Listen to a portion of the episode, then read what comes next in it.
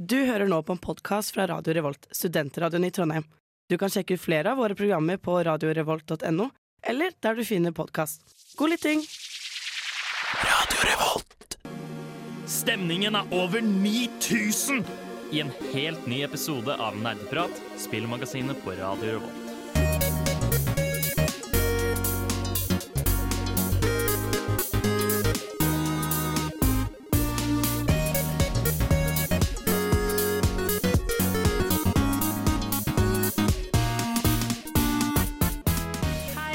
Velkommen til Nerdeprat! I dag har vi en banebrytende sending om nemlig YouTube. What? Vi fortsetter litt fra forrige uke med Twitch, og nå snakker vi om eh, Twitch sin eh, bestefar, kan jeg kalle det kanskje, YouTube. Eh, Jeg heter Oksana, og jeg er programleder. Wow. Og du tenker kanskje 'hæ, hva har skjedd med Håkon'? Hvor er Håkon, hvorfor står du her? Jo, fordi jeg må levele opp. sånn som alle gamere må. Trenger XB. Jeg trenger XP, så i dag er jeg programleder, så det blir veldig spennende. Men med meg i studio så har jeg med meg Du hørte stemmen min. Håkon er her fortsatt. Denne gangen er jeg på teknikerbordet. Mm. Det blir litt spennende. En liten vri. Bård som har blitt erstatta som tekniker i dag. Vi har vridd om hele studio, vi er opp ned. Ja. Men det blir kjempegøy. Men vi skal som sagt snakke om YouTube, men før vi går videre på det, så skal vi ha en siden sist. Men først skal vi høre låt, og da skal vi høre Hey Punk av Aika. Fy faen. Fy faen. Yumi, ass. Hva, hva faen er det som Å, fy Å, å fy faen! Åh! Jeg hater dette drittspillet! Tihi, hør på nerdeprat. Mjau. Det stemmer. Vi skal, dere skal høre på nerdeprat, og vi skal nerdeprate. Eh, vi skal eh, først ta en eh, siden sist, altså hva vi har gjort siden eh, sist uke. Og jeg vil gjerne starte, fordi jeg har gjort ingenting av gaming. Eh, fordi jeg har eksamensperiode. Som sykepleier så har jeg eksamen i oktober. Så da har jeg sittet på lesesal, og jeg har ikke skrudd på min gaming-PC en eneste gang. Det er veldig trist. På det en veldig uke. Det er mørke dager. Det er mørke dager. eh, Men, Oksanas men, liv. men, men. Vi har faktisk spill på studiet. Som, som jeg har spilt et par ganger nå, for øvingens skyld. Det er, det er en sepsissimulator. Hvor du får en eh, pasient, og så skal, får du Vitalia, og så skal du bestemme har pasienten sepsis eller ikke. Og det går liksom i stadier. Eh, Så det har jeg spilt. Eh, Pasienten min døde første gangen.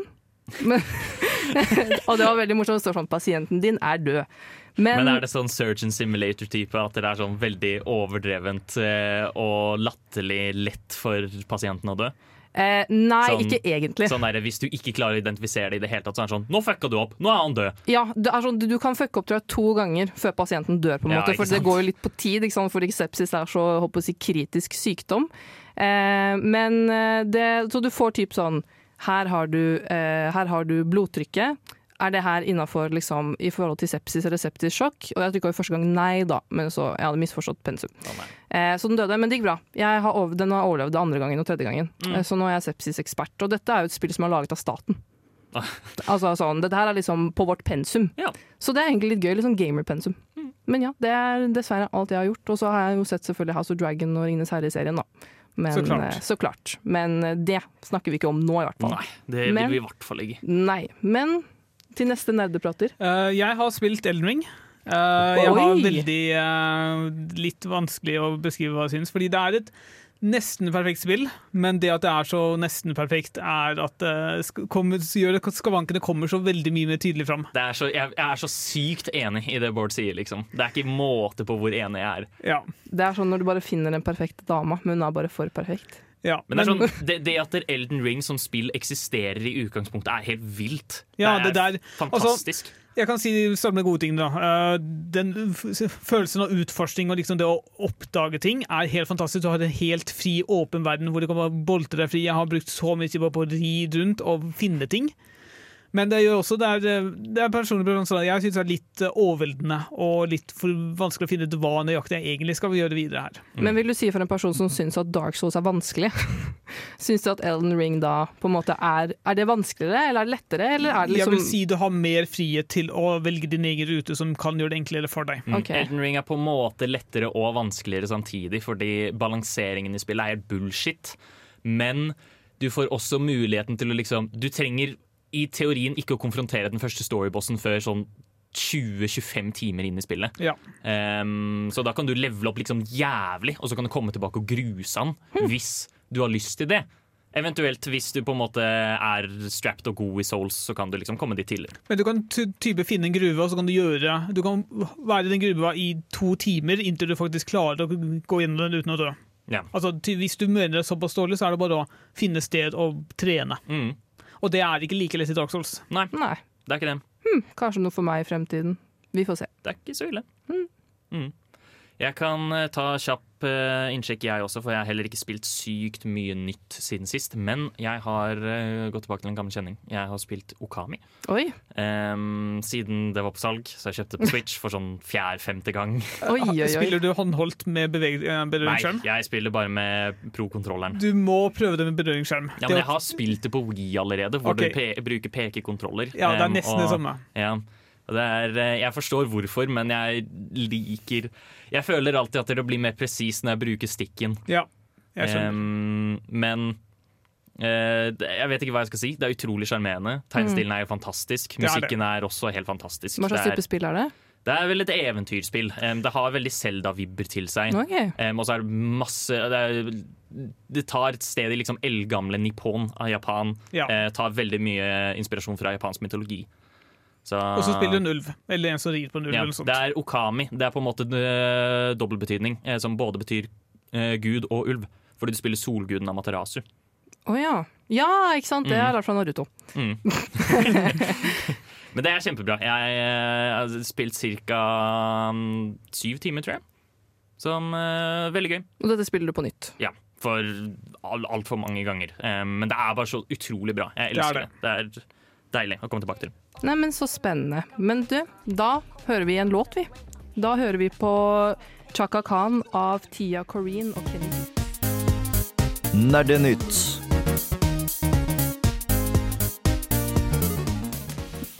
Og velkommen. Vi skal snakke om nerdenytt. Og vi har egentlig noe veldig spennende eh, vi ønsker å snakke om.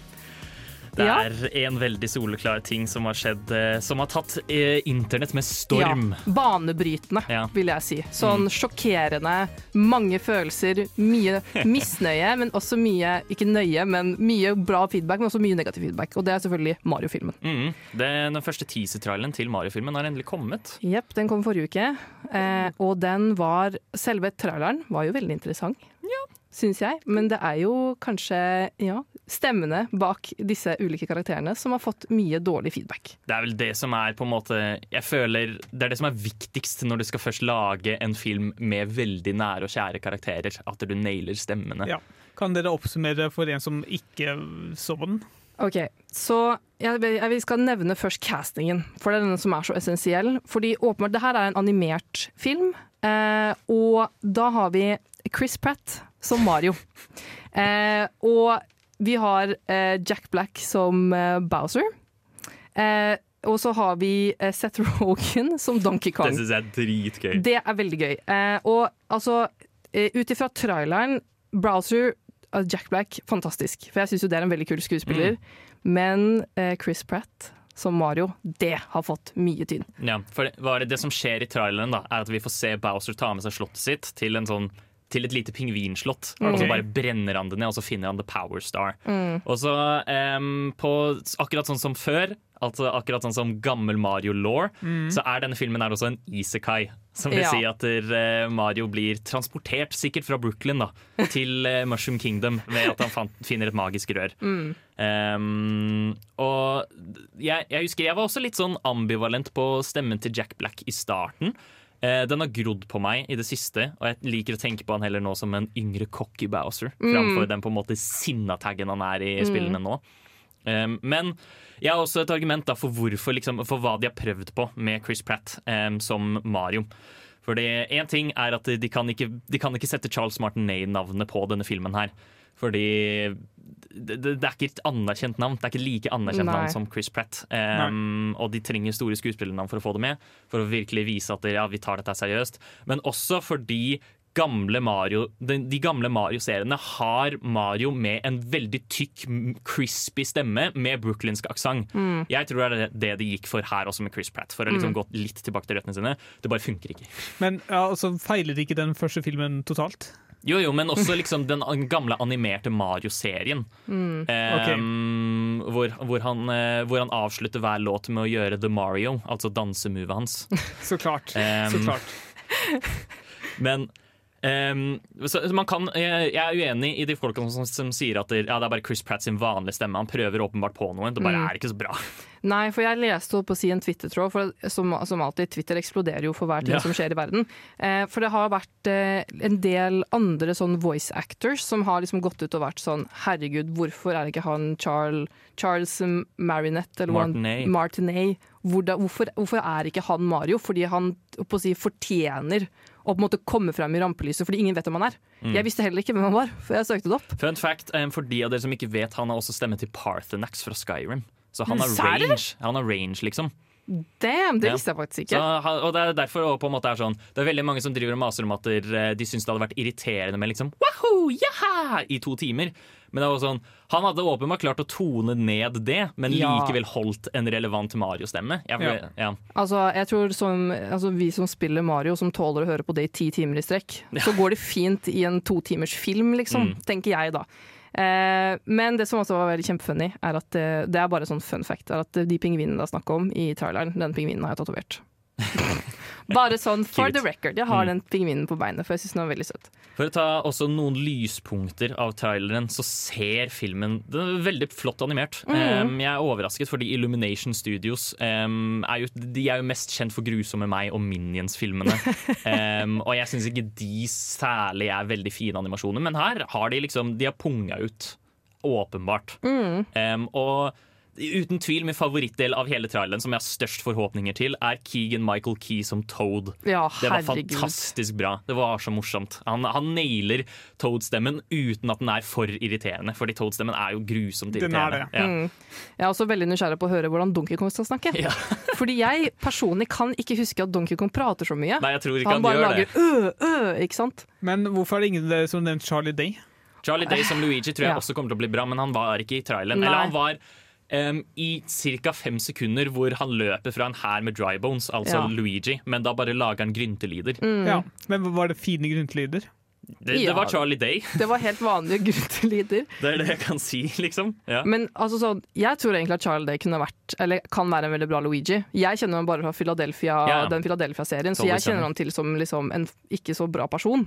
Ja, jeg det. mener Charlie Day er fantastisk bra casting til Luigi. Fordi Ja. han har på en måte den, den, eh, den nervevrakstemmen som kler den karakteren. Men klarer dere å forestille dere Seth Rogen? Stemmen til Ja, Seth Rogan jeg, jeg klarer ikke å se for meg stemmen til Donkey Kong i utgangspunktet. Nei, fordi han er jo ikke med i traileren. Så det er det som blir så vanskelig. Mm. Dere får uh, sitte og vente på um, når det kommer Nerdeprats anmeldelse av Mario-filmen om et år. Og det blir det 100 Hva er det du liker best ved studentradioen? Jeg hører alltid på studentradioen. jeg. Ja, hva er greia med nerdeprat? Jo, greia med nerdeprat er at gutta har vært på Trøndelag. Wow, Wow. shit! Så vi har et, eh, rett og slett et lite intervju. Vi tok et intervju med Stian fra Trøndelag. Han er fra Casual Gaming, som er med på å arrangere Trøndelag. Hvor vi vi spurte han litt forskjellige spørsmål om hva som foregår der. Um, hva man kan forvente å dra på og Ja. gjøre der, osv.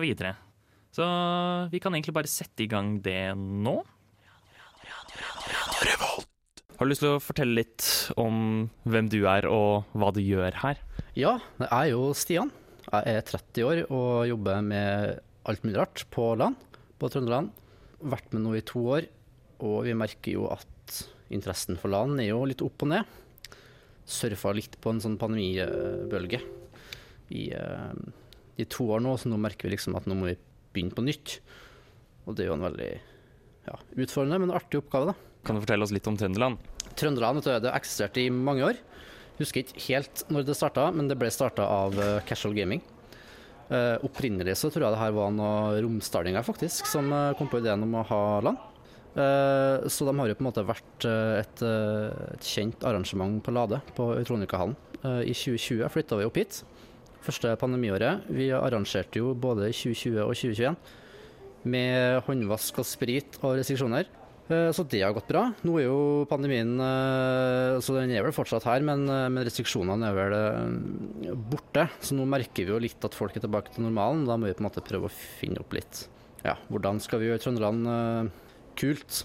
Og det er jo kult, men folk har på en måte kanskje ikke fått med seg helt at vi eksisterer. da. Så det er en liten jobb vi har å gjøre. Skal vi se, Har du noen kule eller morsomme historier fra Trøndelag opp gjennom årene? Ja, altså det er jo det er jo mye artig. Kommer ikke på noe her i farta, men, eh, men det jeg kan si, at det å på en måte være, være crew i Trøndelag, det byr på, på, på si blod, svette og tårer. Det, det er mye artig internt, i hvert fall i crewet. Og så merker vi at uh, noen av deltakerne også er veldig interessert i å vite mer hva som foregår ja, hos crew, og på en måte bak, uh, bak kulissene. Så det er på en måte det er mye, ja, det er mye artige historier, da. Det er jo det. Ja, uten at jeg klarer å komme på noe. mm. Um, man kommer jo naturligvis på LAN for å spille sine egne spill, men skjer det noe utover det også? Ja, det skjer Altså i år så skjer det jo veldig mye. Uh, vi har bl.a. fått med Elon ER, Explo ER, Telenor ER, for å nevne noen. De har jo da stands og premier og ja, konkurranser, alt det der. Uh, I tillegg så har jo Bitvix Gaming en chill-out-sone her. Som vil si at dersom du ikke har med deg PC, eller ikke vil spille PC, så kan du spille på PlayStation eller VR-briller. Ja, alt det der. I tillegg så kommer jo Tvibit, som kommer fra Tromsø. De har med seg et konsept som kalles Norges beste gamer.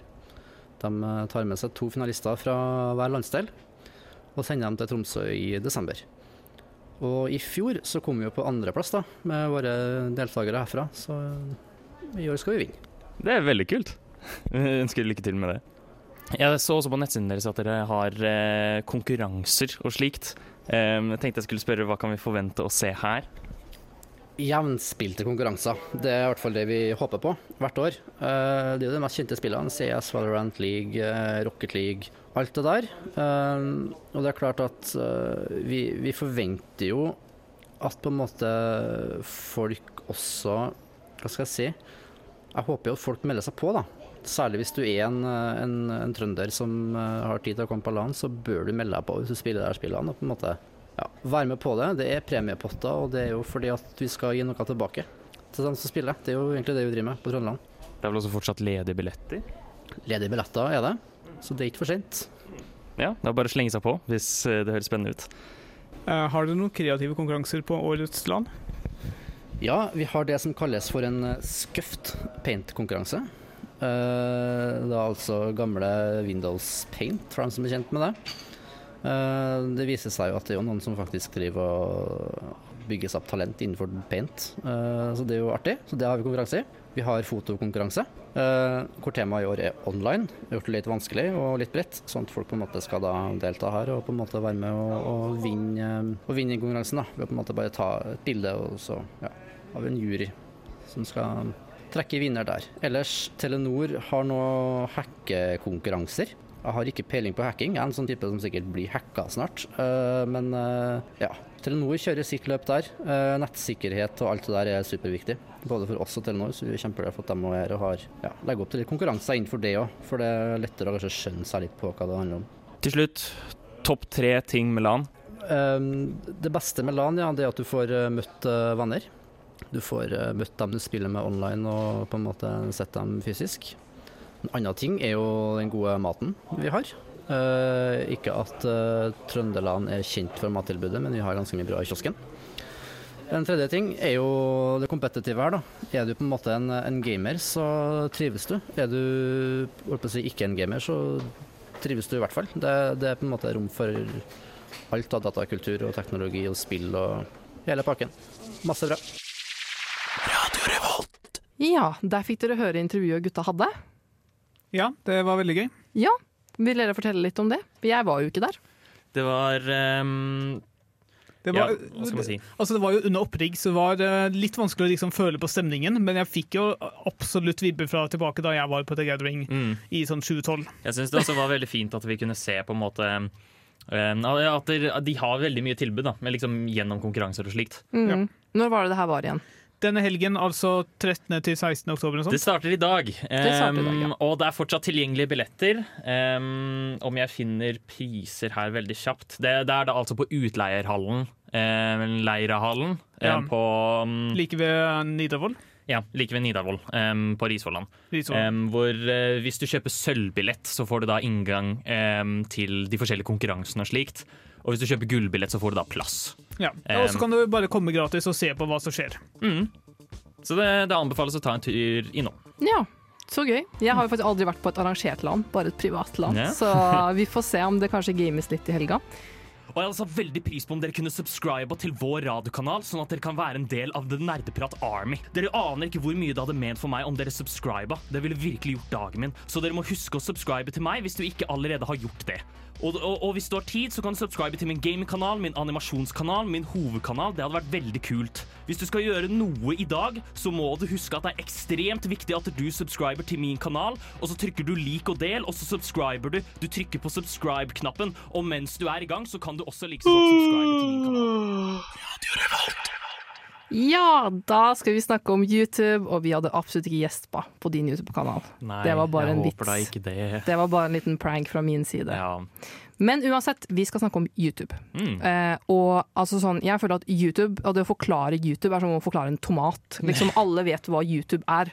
Eh, fun fact, den, mest, den nest mest søkte opp tingen faktisk på Google. Den Bortsett- nest mest? Den me nummer én er Google Search. Så klart. Og den er nummer to. Men uansett, hva er YouTube? Har det en definisjon på YouTube? Problemet er at YouTube har endret seg så mye opp gjennom tidene. Altså, opprinnelig så var det kun en videoplattform. Nå er det en plattform for diverse andre. Det er jo uh, veldig populær videoplattform, men også liksom, for musikkvideoer. Mm. Uh, Google sin musikklansering er jo nå YouTube av en eller annen rar, merkelig grunn. Og den grunnen er fordi Google eier YouTube. Jo, ja, men de hadde tidligere liksom Google Play Music, Mm. som var en, en helt grei tjeneste. Ganske bra. Men som bare fant ut at nei, vi vraker enda et produkt og erstatter med YouTube. Mm. Men hovedsakelig en videostrømmetjeneste. Noen ganger direkte, andre ganger Eller de fleste ganger liksom ferdigopptatte ting som lastes opp. Ja, i all hovedsak så er det er på en måte et, et forum, kan du nesten kalle det, et Mm. videoforum, hvor folk laster opp eh, videoer av alt mulig rart. Eh, fra liksom kokkevideoer til eh, ASMR til gaming, eller hva enn det er. på en måte Ja. Og Da danner det seg på en måte en liten community rundt det. Og så er det jo viktig å nevne her da, at det, da bruker de på en måte mye tid på å forberede disse videoene og publisere, sånn at andre folk kan se dem. Og da er det viktig å anerkjenne også at YouTube er virkelig en av de aller største sosiale medieplattformene vi har. 100 Ja. Eh, Men du, det burde ikke brukes hos sosiale medier, Fordi hvis du går inn på kommentarene på mange videoer, så kan du bli eh, permanent skadet, tror jeg. ja, det tror jeg også. Ja, ja, altså jeg tror faktisk eh, toxic kommentarfelt stammer egentlig litt fra YouTube. Det er en Hater, haters begynte på YouTube. Mm. Faktisk, De begynte ikke på Facebook engang. Eh, nå husker jeg ikke jeg når Facebook kom ut, men altså, YouTube kom ut i 2005. Det er vel før Facebook? Mm. For Facebook kom vel i 2007 eller noe sånt? Om det ikke. Mulig. Ja. Uansett. Ja, YouTube var vel så Det var vel i prototypefase i sånn 2005 eller noe? Ja, det kom ut, eller lans lansert i 2005. Ja, ikke sant? Og det var det jo helt annerledes enn det der i dag. Ja. Sånn som Bård nevnte. De har jo også, man kan streame på Twitch, man kan høre på musikk på Twitch, man kan leie fil Nei, på Twitch, på YouTube. Mm. Man kan leie filmer på YouTube. Altså, man kan gjøre alt på YouTube. Du kan også ha live commentary på YouTube på videoer som ikke er live. Ja. Ja.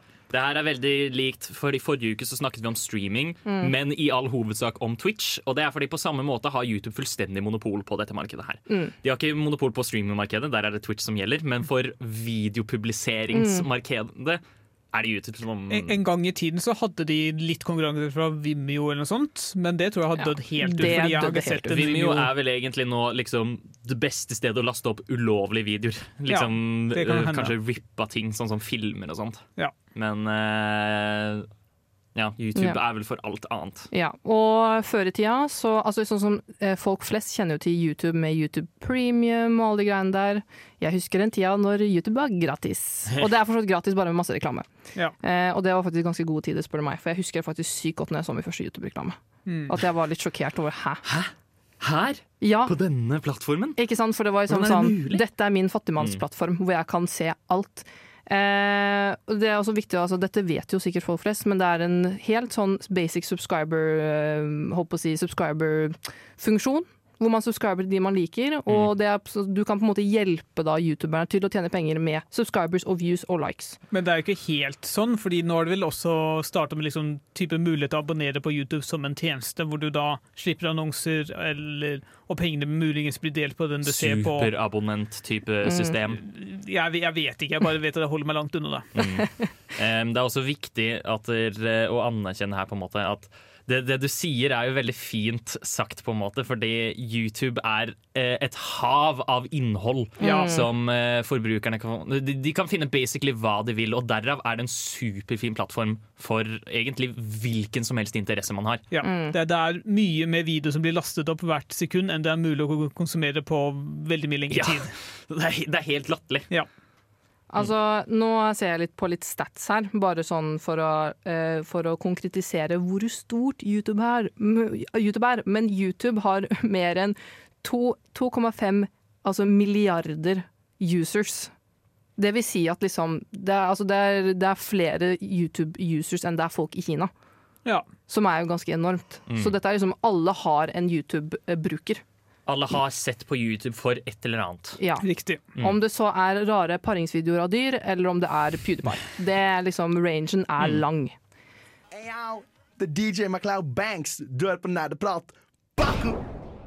Det stemmer, du hører fortsatt på Nerdeprat. Og vi skal nå snakke om hvorfor YouTube er relevant for oss i Nerdeprat. Mm. Fordi YouTube er, som sagt eh, tidligere, både se man kan se hvordan skilpadder har sex, til hvordan man putter på eyeliner, til alt. Men Ja. hvorfor er det relevant for oss? Som eh, em, Nå skal jeg ta dette her litt tilbake igjen til uh, intervjuet vårt med Karoline på Torukon. Um, fordi hun, ja, Der ble det jo beskrevet for liksom alle med litt spesielle interesser. Em, alle som har interesser utenom det vanlige. på en måte YouTube tilbyr også dette. Naturligvis. For, på grunn av plattformens natur. Fordi det er så spredt og alt det der. Og da er det jo um, men, men i YouTubes YouTube sitt tilfelle også, interessant nok, så er jo f.eks. gaming-siden den aller største delen av plattformen. 100%. Um, det er så mye. Det er jo utrolig enkelt å bare ta, ta opptak av at du spiller noe. Og så hvis du har en grei personlighet eller bare har veldig mye kunnskap om det du spiller, så er det en god sjanse for at I hvert fall en gang i tiden så var det en god sjanse for at du ble populær og fikk liksom seere. Ja. Nå er nok den sjansen betydelig mindre, men en gang i tiden så var det ganske lett å bare få fart som Mm. en eh, innholdsskaper for YouTube. Ja, og det var min det, det er en av mine største sorger eh, nå i voksenlivet, er at jeg ikke startet YouTube-kanal for ti år siden. Faktisk. Fordi at, som sagt, i dag tror jeg det er mye vanskeligere å bli en anerkjent eh, gaming-YouTuber. Fordi at du, vet, altså, du konkurrerer med store folk. Det er helt latterlig mange folk. Mm. Um, det er altfor mange folk på YouTube Ja. til og med som, Mm. og som prøver seg, på en måte. Um, er, jeg syns fortsatt at det er viktig hvis, Mm. man skal, hvis man skal gjøre YouTube-kanal, så må man huske på at hvis, ja, hvis du har 30 seere, da, så er det fortsatt klasserom, liksom. Ja, Ja. ikke sant? Eh, og det jeg håper å si er viktig, sånn som nevnt, at dette er også på en måte, sånn som jeg ser på, et, en forløper til Twitch. Mm. Fordi Twitch skulle da være litt enklere, for du skulle slippe å redigere, for det tar jo liksom tid med redigering av videoer. Eh, men hele det oppsettet med liksom spill og en lite ikon med personen som spiller, det ble født på YouTube. Mm. Og det er sånn på en måte vi som nerder på en måte så det, og lærte av det. Og det var sånn jeg som eh, ung 14-åring, klein og gamer og nerd som faen, så på spill. Fordi man hadde jo ikke alltid råd til alle spillene. Det er jo det som er tutorials og walkthroughs var jo kjempestore i Mm. gamingverden. Det å bare søke opp en video på hvordan, hvordan finner man denne ene tingen i Dark Souls, for eksempel, så Ja. kan de vise deg nøyaktig gå til dette her, gå dit, gå dit. Mm. Men også liksom som eh, underholdning, em, så mm, er jo på en måte gaming Der òg ble det jo liksom brygget et kjempesvært marked, og det er Mm. at folk som er interessert i spill, liker generelt um, Og særlig sånn hvis du f.eks. har noe som er nært og kjært deg, så elsker du at andre folk snakker bra om det Ja. som er nært og kjært deg. Mm. Derav får vi også liksom folk som viser ansiktet sitt. Nå spiller de spillet, og de er en personlighet som reagerer til spillet de spiller. Ja. Jeg kjenner jo personer som er veldig glad i å se på andre spille, og da gir det jo en naturlig liksom, altså Det er jo det man gjør, fordi den personen du ser på, har kanskje en bra personlighet, eller en morsom personlighet, eller de har en masse kunnskap som du da gjør noe ekstra bare å oppleve det selv. da. Mm. Uh, og ikke minst den følelsen av et community.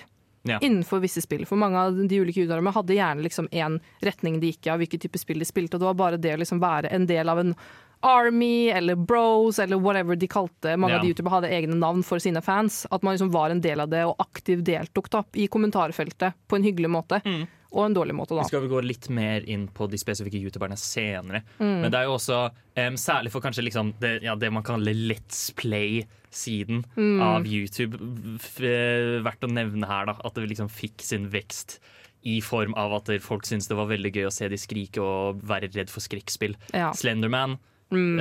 Um, det ble jo superstort bare fordi ganske anerkjente youtubere spilte det. Og de Mm. ble jo bare enda større fordi de spilte det. Ja. Og fordi det var morsomt å se ha-ha, de reagerer på dette spillet her. Mm. Dette var morsomt. Kanskje videospill er gøy. Ja, fordi det var overhodet ikke falsk den reaksjonen de hadde. Hei, ikke, hei, hei, hei, hei. Ikke på alle sammen.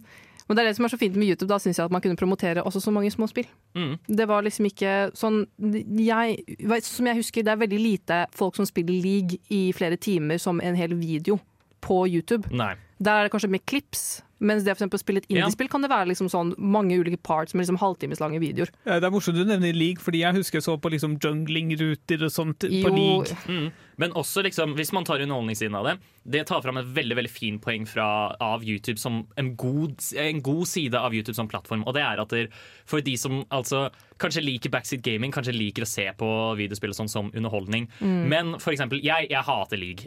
Um, og jeg syns det er gørrkjedelig å se på et helt game med League of Legends. Mm. Når du da supercutter det ned til kun de morsomme eller fete øyeblikkene, så er jeg mer interessert i å se Mm. Og Ja. da, da blir det en bedre opplevelse. Ja, generelt. Ja, ikke og, sant? og det funker kjempebra da for eh, videospill, og det på en måte Ja. Men det er bare, hvor, Hvordan er det ikke relevant for eh, nerdeverdenen? Ikke sant? si? Jeg har lært mye av mine skills fra YouTube. Ja. How to jungle, how to be a good support. det er YouTubes fortjeneste. Put my cat on the mic.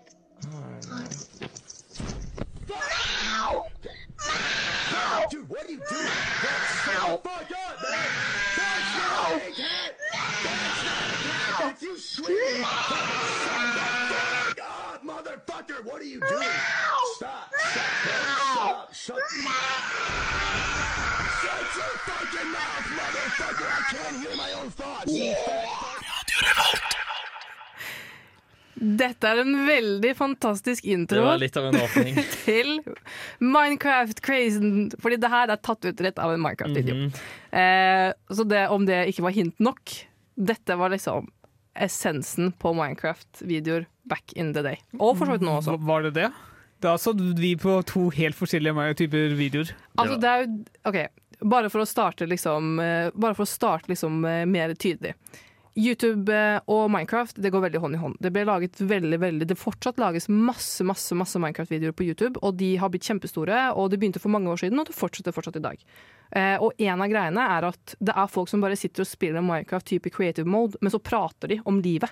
De kan snakke om 'i dag har jeg slått opp med kjæresten min', eller 'i dag har jeg en katt som skriker'. Altså sånn Bare helt sånne vanlige samtaler hvor de gjør på en måte de bare bouncer fra blokk til blokk til blokk. Mm. For oh, ja. Men det er vel kanskje mer moderne Minecraft igjen, er det ikke? Jo, det ble jo laget for mange år siden, det også. Det har vært en ting, men det er sånn der, ting man har i bakgrunnen. Og gjerne bare, altså, det, det handler ikke om å se på Minecraft, det handler om å høre på disse syke samtalene. Men det, det var ikke sånn det starta. Eh, Det starta jo mer med Nå vet jeg ikke helt om det var det som var starten, da, men den virkelige eksplosjonen skjedde jo da Yogscast spilte Mm. Minecraft. Og de gjorde veldig forskjellige ting. De lagde jo til og med egen liksom, kart og en egen liksom, Ja. historie i, Mm. Minecraft som de da spilte ut. Så ne nesten en Dungeons Dragons-kampanje, bare uten all ter terningtrillingen og sånt. Mm. For jeg tror virkelig at der, eh, assosiasjonen med Minecraft har, eh, på YouTube har endret seg drastisk. Mm. Fordi da Minecraft-galskapen virkelig startet, da eksplosjonen skjedde, så handlet alt om spillet. Liksom. Ja. Fordi da var det jo liksom sånn derre ehm, ja, folk eh, Det var liksom sånn ah, uh, Captain Sparkles Minecraft part 254. Uh, A New Beginning heter den da. Så er det at han starter en ny verden på nytt, og så skal han uh, overleve på nytt. Ikke Ja. sant? Og dette er jo også morsomt du skulle nevne Captain Sparkles, fordi han er vel også personen som har en del musikkvideoer Ja. hvor de har lagd et cover av Eller For, for det er kanskje det merkeligste Det er kanskje den merkeligste siden av Minecraft-galskapen. Fordi det handlet virkelig alt om spillet, hvor de også lagde musikkvideoer med liksom dynamiske kameravinkler Ja. i eh, spill og sånt. Sånn som for eksempel eh, De tok vel en låt av Coldplay, Vi vil la vida eller noe sånt. Ja. Og Fallen en, Kingdom heter den. eh, Um, endret navn og tekst, ja. Ja. Og så var det um, eh, en som er ti, eh, het altså Det var cover av Dynamite.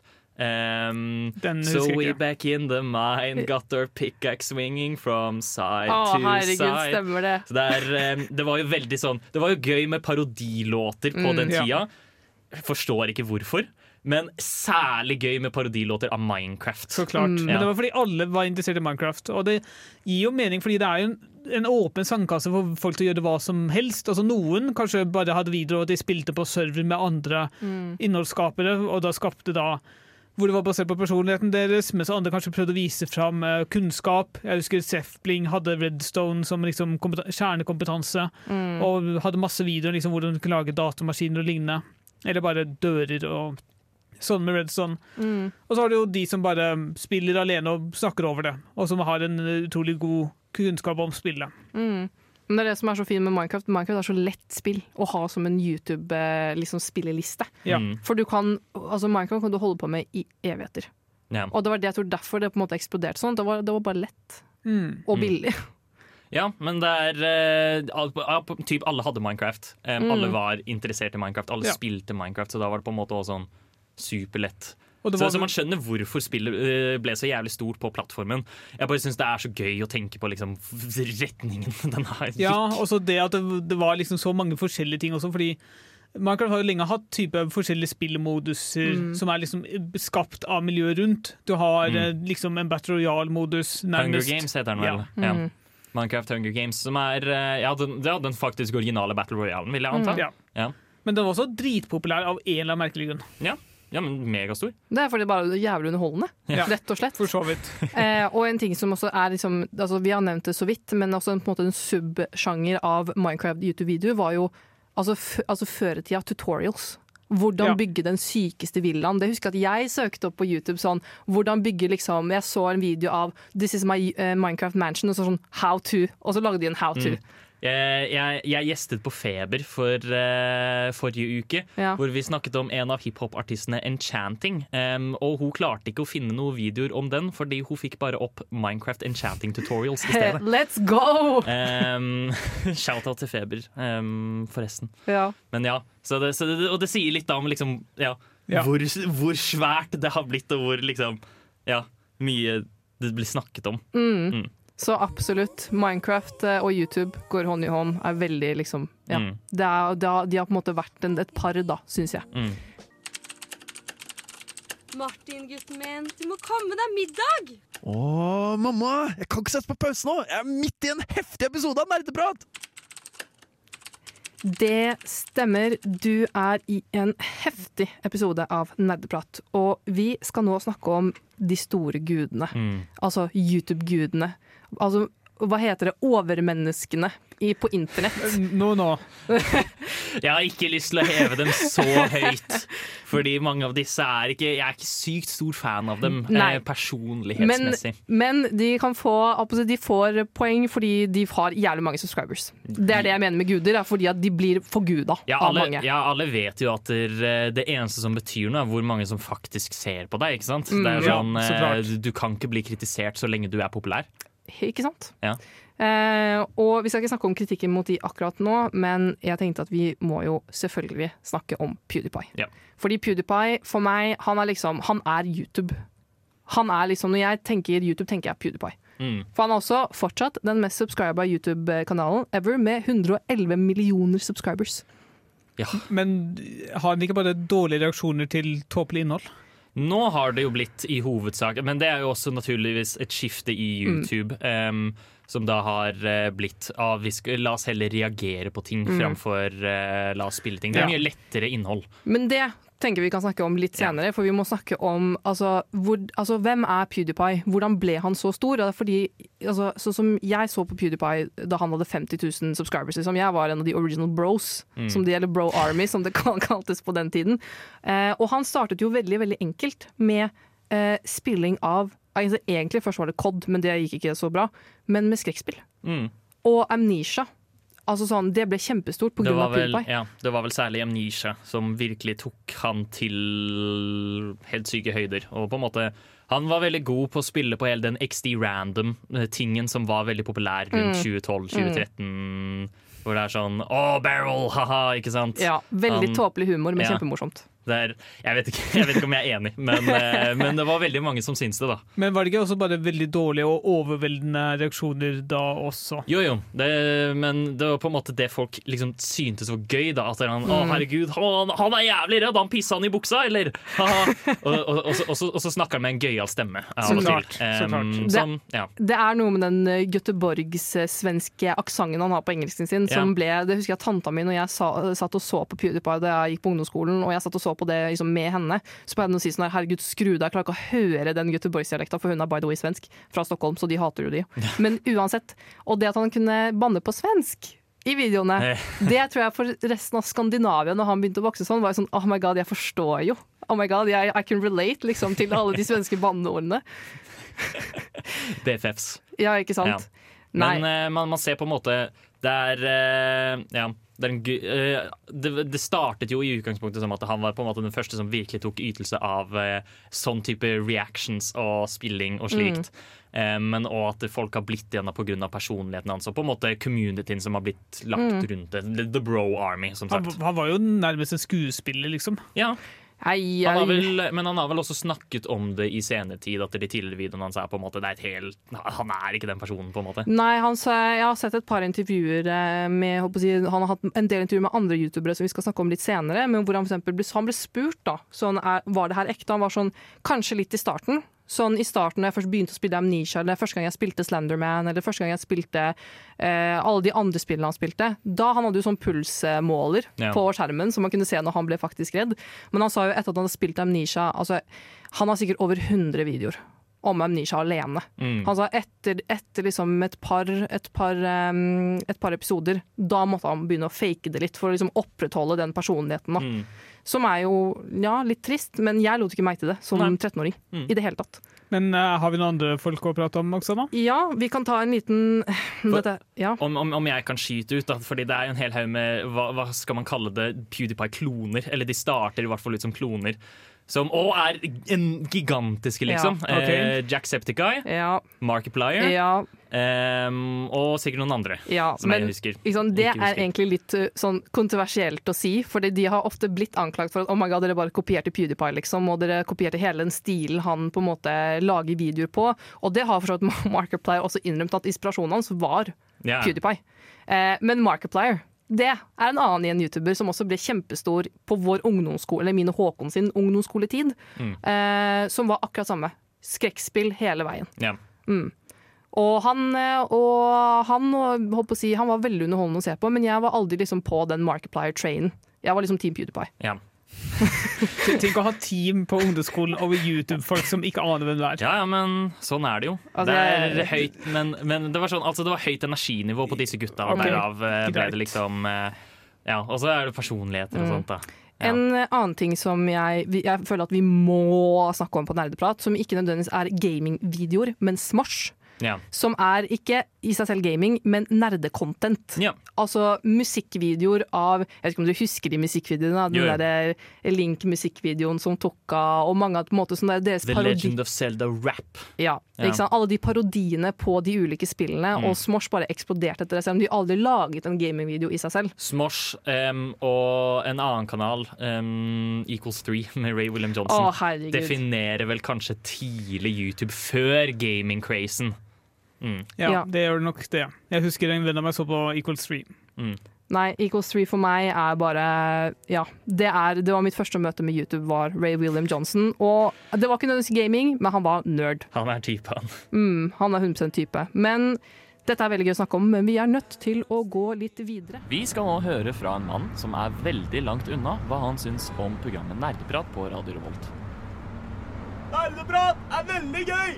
Vi snakker om nerdeting og dataspill! Sånt liker jeg! Nerdeprat er veldig gøy, og vi skal fortsette å snakke om masse gøy. Fordi nå en annen viktig ting ved eh, mange av de youtuberne vi nevnte i sted, er at eh, vi snakket om de i fortid. Hva de gjorde da liksom, de ble, var store eller nådde piken sin. Mm. Men hva gjør de i dag? Mm. Vet dere det? Om jeg skal være helt ærlig, nei. Eh, jeg, det er ikke en jeg så på veldig mye, men eh, jeg så en del på Husky Starcraft. Ja. Håper det er mest for liksom at han kommenterte dårlig spill. Men så ble han sammen med en annen YouTuber og la opp. Helt. Ja. Og sletta kanalen. Sletta alle videoer. Helt, jeg skjønner ikke hvorfor man vil slette Jo, jeg skjønner at man kanskje vil liksom kvitte seg med en ting fra sin historie, Ja. men det var så mye bra innhold der som Ja. burde fått leve. ja, damer, am I right? Mm. Faen, ass. Wenches. Nei da, tulla. Kan Eh, ikke leve med dem, kan ikke leve uten. kan ikke vinne uansett hva man gjør. Og kan i hvert fall ikke ha YouTube-videoer med dem heller. Men vi, uansett, eh, jeg har altså sånn PewDiePie, igjen, som klart. Eh, det som skjer med PewDiePie i dag, eh, det, de for dere som har sett på han liksom, de siste si, fem årene, har et helt annet inntrykk av PewDiePie enn det vi har, som har sett på han på begynte for ti år siden. Hva, hva Kan du forklare forskjellen? Eh, han har lagt opp liksom selve gaming-delen av YouTube-kanalen hans og begynt med liksom, altså, hva skal jeg kalle commentary-YouTube, hvor han sitter og kommenterer på ting. Det letteste, den letteste siden av det er vel egentlig bare at han går gjennom subredditen sin og vurderer memes Ja. um, som fansen hans uh, publiserer. Ok, Så han gikk fra å liksom skaffe seg fans til å nå bare leve av fansen i Ja, en slags basically. stor runkering, hvor han anmelder fansen sin for fansen sin, og så er det bare Det er, de publiserer, ja, men det er også, også har han i hvert fall Det var en stund hvor han holdt på med sånn you laugh, you lose-utfordringer. Mm. Eh, hvor han så på memes av Så sin og enten lo eller ikke lo. Ja. Og så lagde han eh, kanskje og så, og så sier han noe gøy, og så fortsetter han. Ikke sant? Eh, Det er ganske ja. ensformig. Veldig lavterskel, høres ut som. Veldig lav, men han har, han, det hadde han jo sagt. Altså, han har jo laget en del YouTube-videoer om- om det liksom, for lenge siden. Da, at han begynte å bli lei og måtte Mm. på en måte finne noe annet å gjøre. Eh, og jeg ble jo veldig lei meg. Men hvorfor ikke legge opp ordentlig istedenfor å gjøre det til Altså, Hadde jeg vært han, så klart jeg er jo ikke det, så ville jeg bare Jeg ville ikke liksom sunket til det nivået. Jeg ville bare Nei. sagt nå er jeg ferdig, nå gjør jeg noe nytt. Eller Mm. nå lever jeg på alle pengene jeg har tjent på dere stakkars folk som har sett på meg. Nei, nei, men han vil jo ha cash money flow, da. Jeg Ja. vet ikke hva jeg skal si. Han Ja. har jo, men han har sikkert fortsatt lyst til å være rampelys, på en måte. Han er jo definert som en internettkjendis. Mm. Om, vi tar, eh, om vi tar de andre folka, eh, Mm. Markiplier og Jacksepticeye Jeg er ganske sikker på at de fortsetter med gaming. Ja, Markiplier holder fortsatt på. Ja, um, Jacksepticeye gjør vel også det, tror jeg. Jeg tror det, ja. Um, men um, forskjellen der er at det, en ting som på en måte man kan sette veldig pris på med dem, er at de er ekstremt jordnære. Mm. I og med at de Jeg tror de også liksom begynt å komme til at de bruker sin egen personlighet framfor å bruke en skuespillpersonlighet. Oi, ting så det. Ja, men også at de er på en måte Man ser det på dem at de er veldig takknemlige for Ja. liksom uh, følgebasen de har fått, og Mm. det syns jeg er veldig fint. Mm. Eh, også for å nevne Smosh. Smosh eh, finnes jo ikke lenger. Nei da. De, de, de gjorde noen rare greier for mange år siden, hvor de fikk liksom nye folk, og de lagde noen andre typer YouTube-kanaler som var under Smosh, og de ble liksom en hva heter det, en, en business, liksom. Ja. Eh, men selve liksom Anthony Padilla og Ian Hecox, eh, hvis det er det han heter, de, de gikk helt vekk fra Mm. Smosh. Eh, og Anthony Padilla driver jo fortsatt YouTube- YouTube-kanal, men han driver eksklusivt med intervjuer. Alt mulig sånn eh, liksom eh, altså War Survivor-intervju, eller altså intervjuer med alle mulige ting. Og blitt egentlig veldig stor og veldig, veldig, veldig bra YouTube. Eh, og Ian, han driver med kaffe. Faktisk. Med kaffe? Han driver med kaffe. Eh, Jeg var også, det var Northern som hadde en evig lang serie med Binding of Isaac-episoder. Han spiller ikke nå fullt så mye Binding of Isaac, men han spiller mer variasjon. På, Mm. Hovedsakelig på Twitch. Mange av de store, eller i hvert fall mange av de gamle YouTube-legendene som man så på som tida før gamingtiden, er i hvert fall død, Ja. basically. Ray William Johnson er død. Han er ikke det, men han er død fra internett. Ja, ingen, Ingen vet hva, hvor han er. hva, hva, hva gjør han? Vi er ikke så interessert i å vite heller. Nei. Dagens sending av Nerdeprat er sponset av Raid Shadow Le... Unnskyld! Unnskyld! Og velkommen tilbake til Nerdeprat, og vi fortsetter på vår eh, YouTube-craze. Eh, hvor vi rett og slett skal snakke litt om den litt dårlige siden av YouTube. Mhm. Altså kontroverser rundt det, hvordan YouTube opererer som et organ, om vi skal kalle det det, og sånne type ting. For YouTube har jo ja, over årene da blitt en hva skal jeg kalle det, en mindre eh, ikke brukervennlig, men creator-vennlig plattform. Ja, det, det er bra du sier på den Mm. måten der, fordi det, det har nok blitt lettere å fikse og laste opp YouTube-videoer enn tidligere. Det betyr ikke at eh, YouTube er veldig sånn støttende overfor skaperne på plattformen. Mm. Um, Jeg, jeg tror det var gjennom en del liksom, um, steg for å få ordentlig hjelp, for eksempel. Kanskje det kan, altså, det er ofte du hører historier om at hvordan du må tvitre og liksom få folk til å liksom bringe det frem, som er liksom mer kjendis enn deg, for å få ting til å skje. Mm. For eksempel, altså det, altså med tanke på, på begrensing av sitt content. Da. Det husker jeg liksom var en stor greie for mange år siden. hvor YouTube startet jo, og liksom, da var det ikke veldig mye begrensninger. Du kunne lage egentlig så hva du ville, kanskje bortsett fra pornotyp. Eh, og så med årene så ble rammene for hva du kunne si og hva du kunne gjøre, liksom strammere og strammere og strammere. og strammere, Fram til de på en måte Jeg har jo hørt youtubere kalle YouTube for et diktatur. Ja, men eh, altså, de, de driver jo basically med sensurering under covid. Jeg er ganske sikker på at Hvis du sa covid, så ble videoen din vist til en begrenset mengde folk. Mm. Da var det umiddelbart sånn eh, Nei, eh, liksom skyggelagt. Nå, nå, nå, nå endrer de på hvem, vil, hvem som får lov til å se videoene. Men også ikke bare sensurering, men også til en viss grad propaganda. Eh, det, YouTube er jo basert på så mye annet algoritmer, og hvis du da kommer inn i et hjørne av den algoritmen, bare på å si, altså for eksempel det høyreekstremte hjørnet, så er det mye Mm. mer sannsynlig at du da får anbefalt flere lignende videoer, som da kan bringe deg enda Mm. mer i den samme retningen. da. Det kan være liksom bra at du liksom fordyper deg i et tema, men det kan også være veldig ekstremt som høyreekstrem propaganda eller lignende. Mm.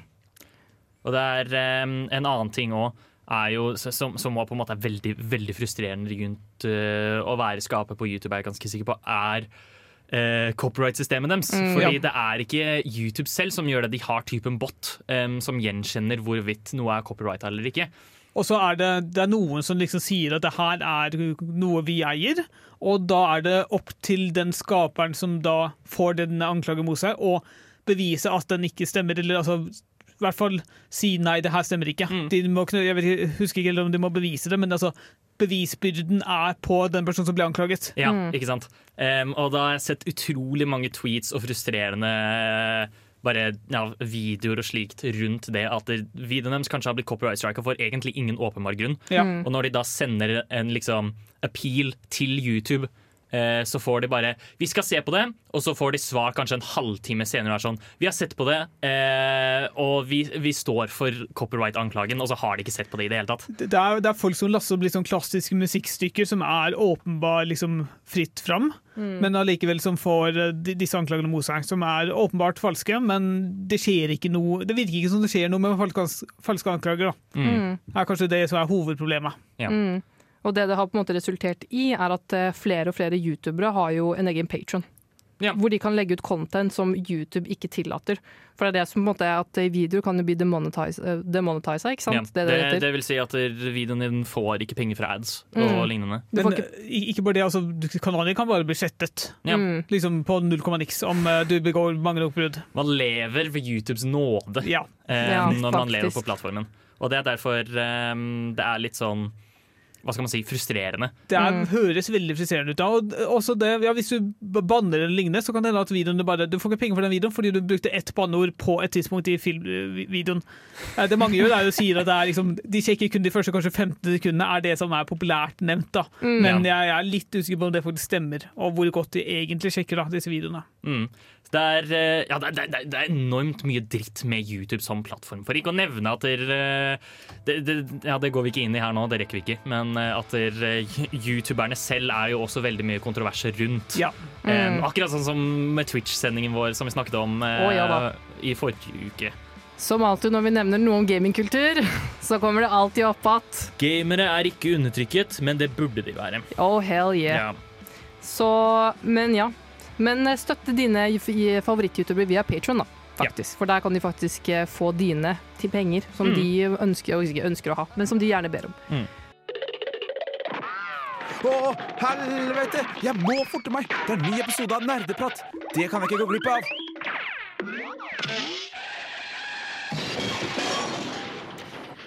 Oh my god, du rakk det faktisk akkurat, fordi vi er her fortsatt på Nerdeprat, og vi fortsetter vår YouTube-sending.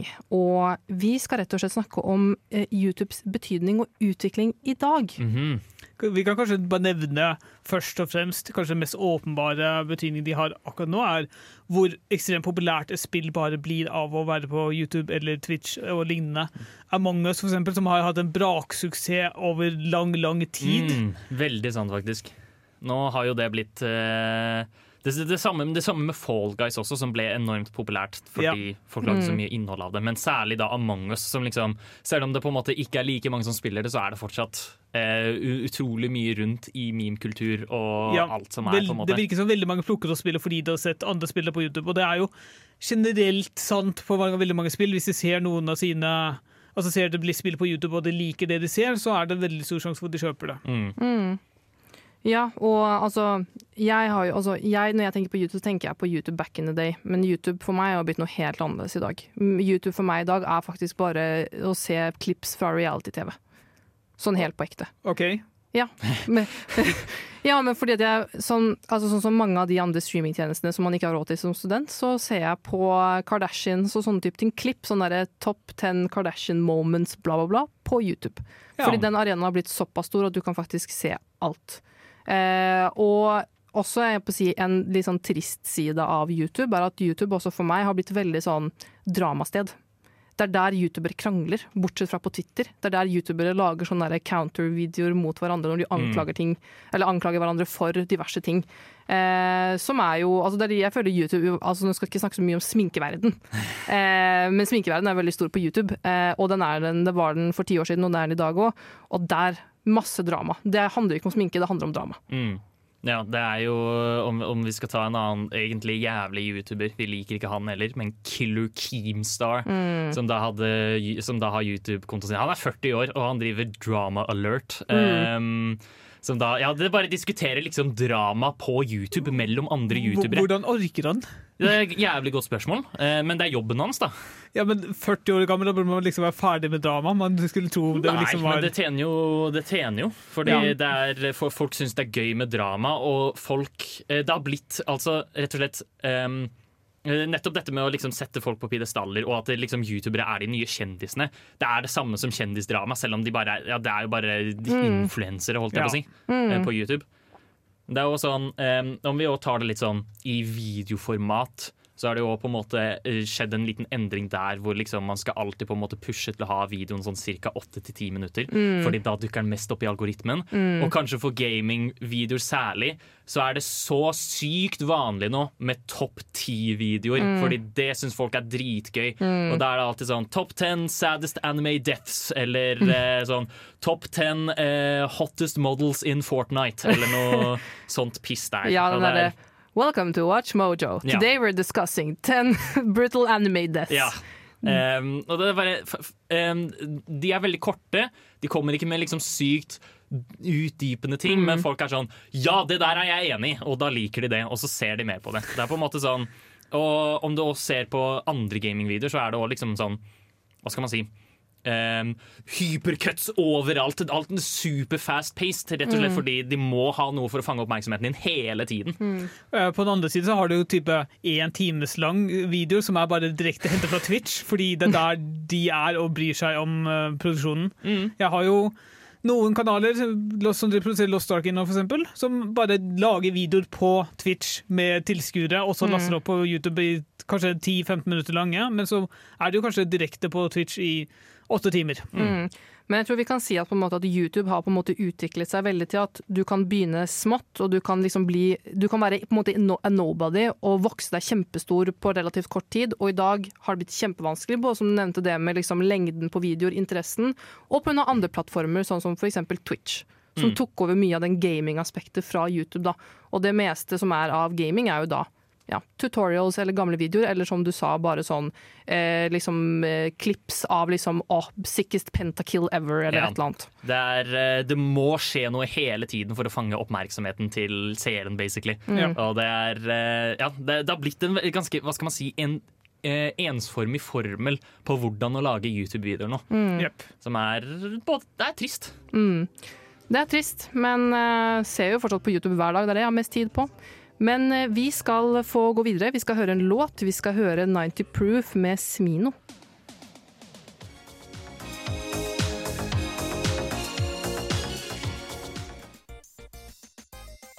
Ohayo, minisan, konnichiwa.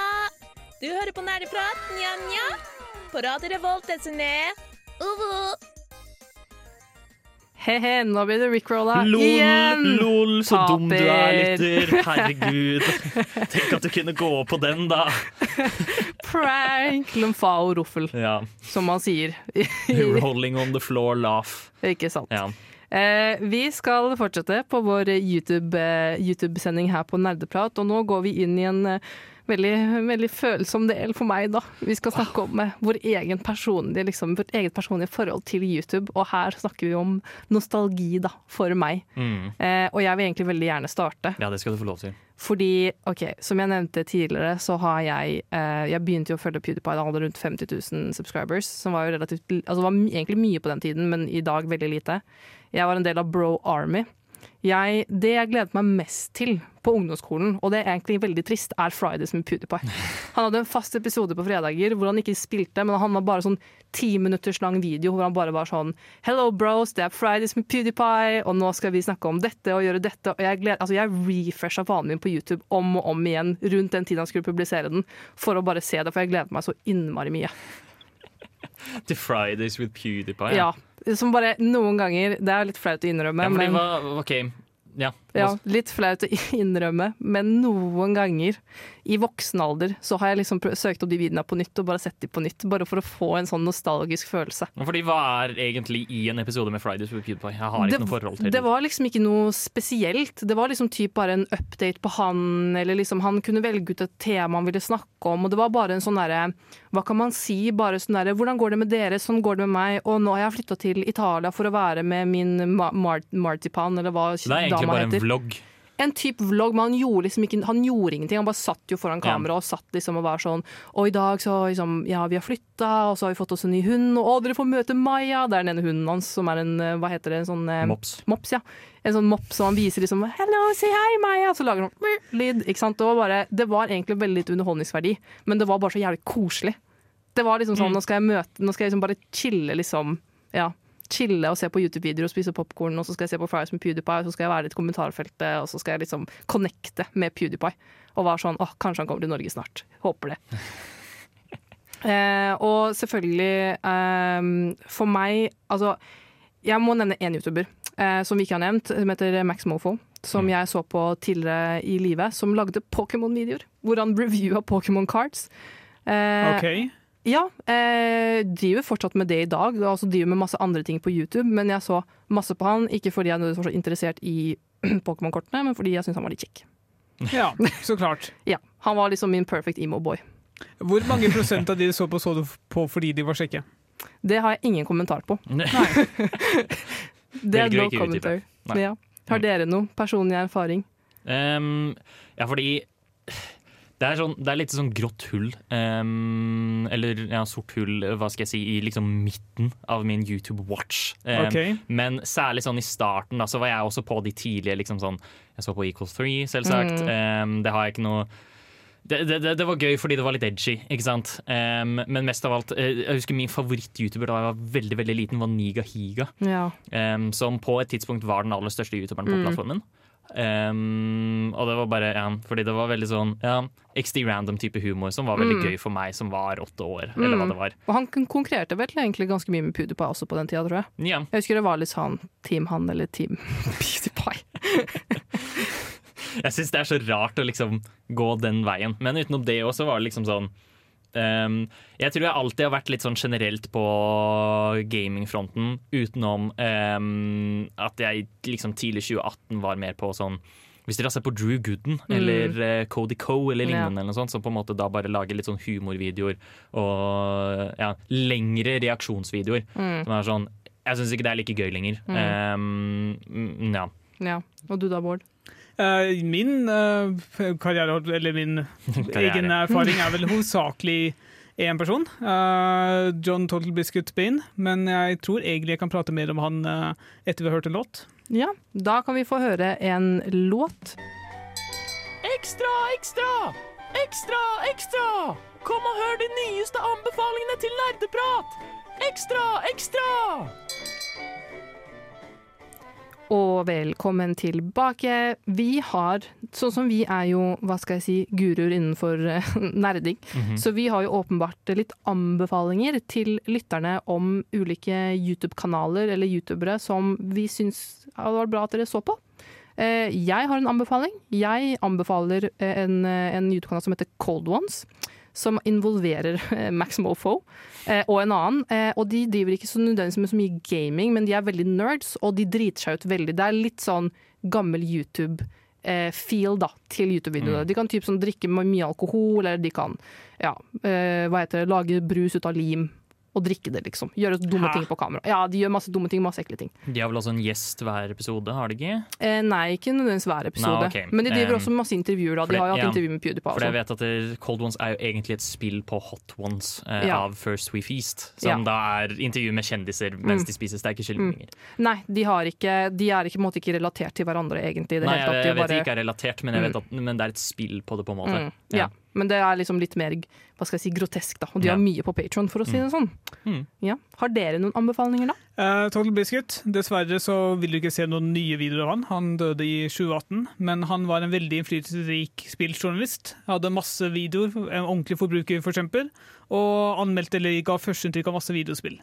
Han hadde blant annet video som var titulert eh, 'Nå skal jeg prate i 40 minutter om hvorfor dere skal bry dere om dette her'. Mm. Mm. Så veldig veldig flink eh, til å snakke for seg, og veldig flink til å kjempe for våre rettigheter som forbrukere. Veldig flink til å snakke for seg, faktisk. Em, det var, og det er på en måte sånn ja, 40 minutter, men det går sånn, liksom. Det går Ja. superfort. Mm. Ja.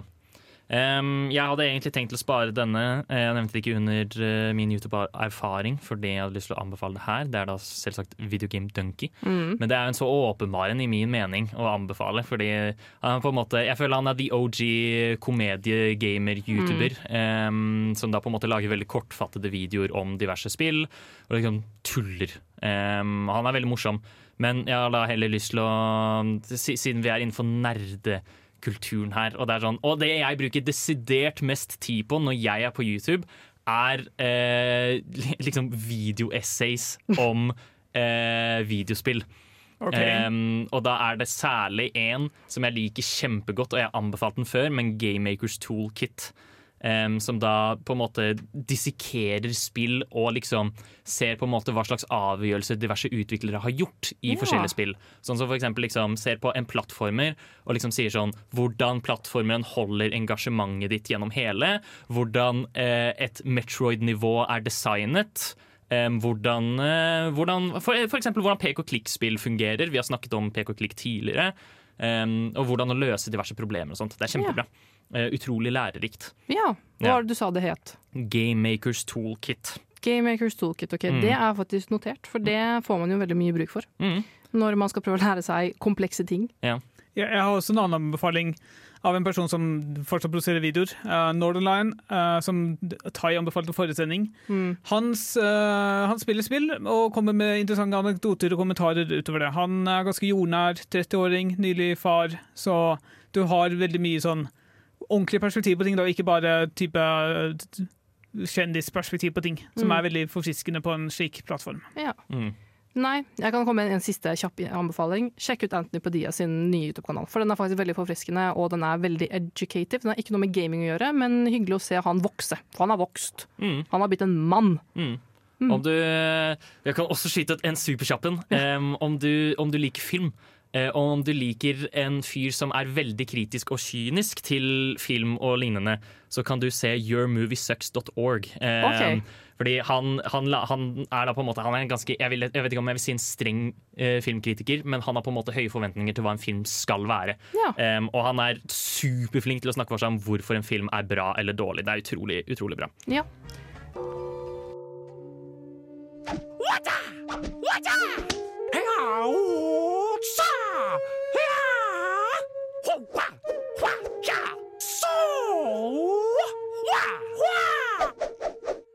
Nerdeprat.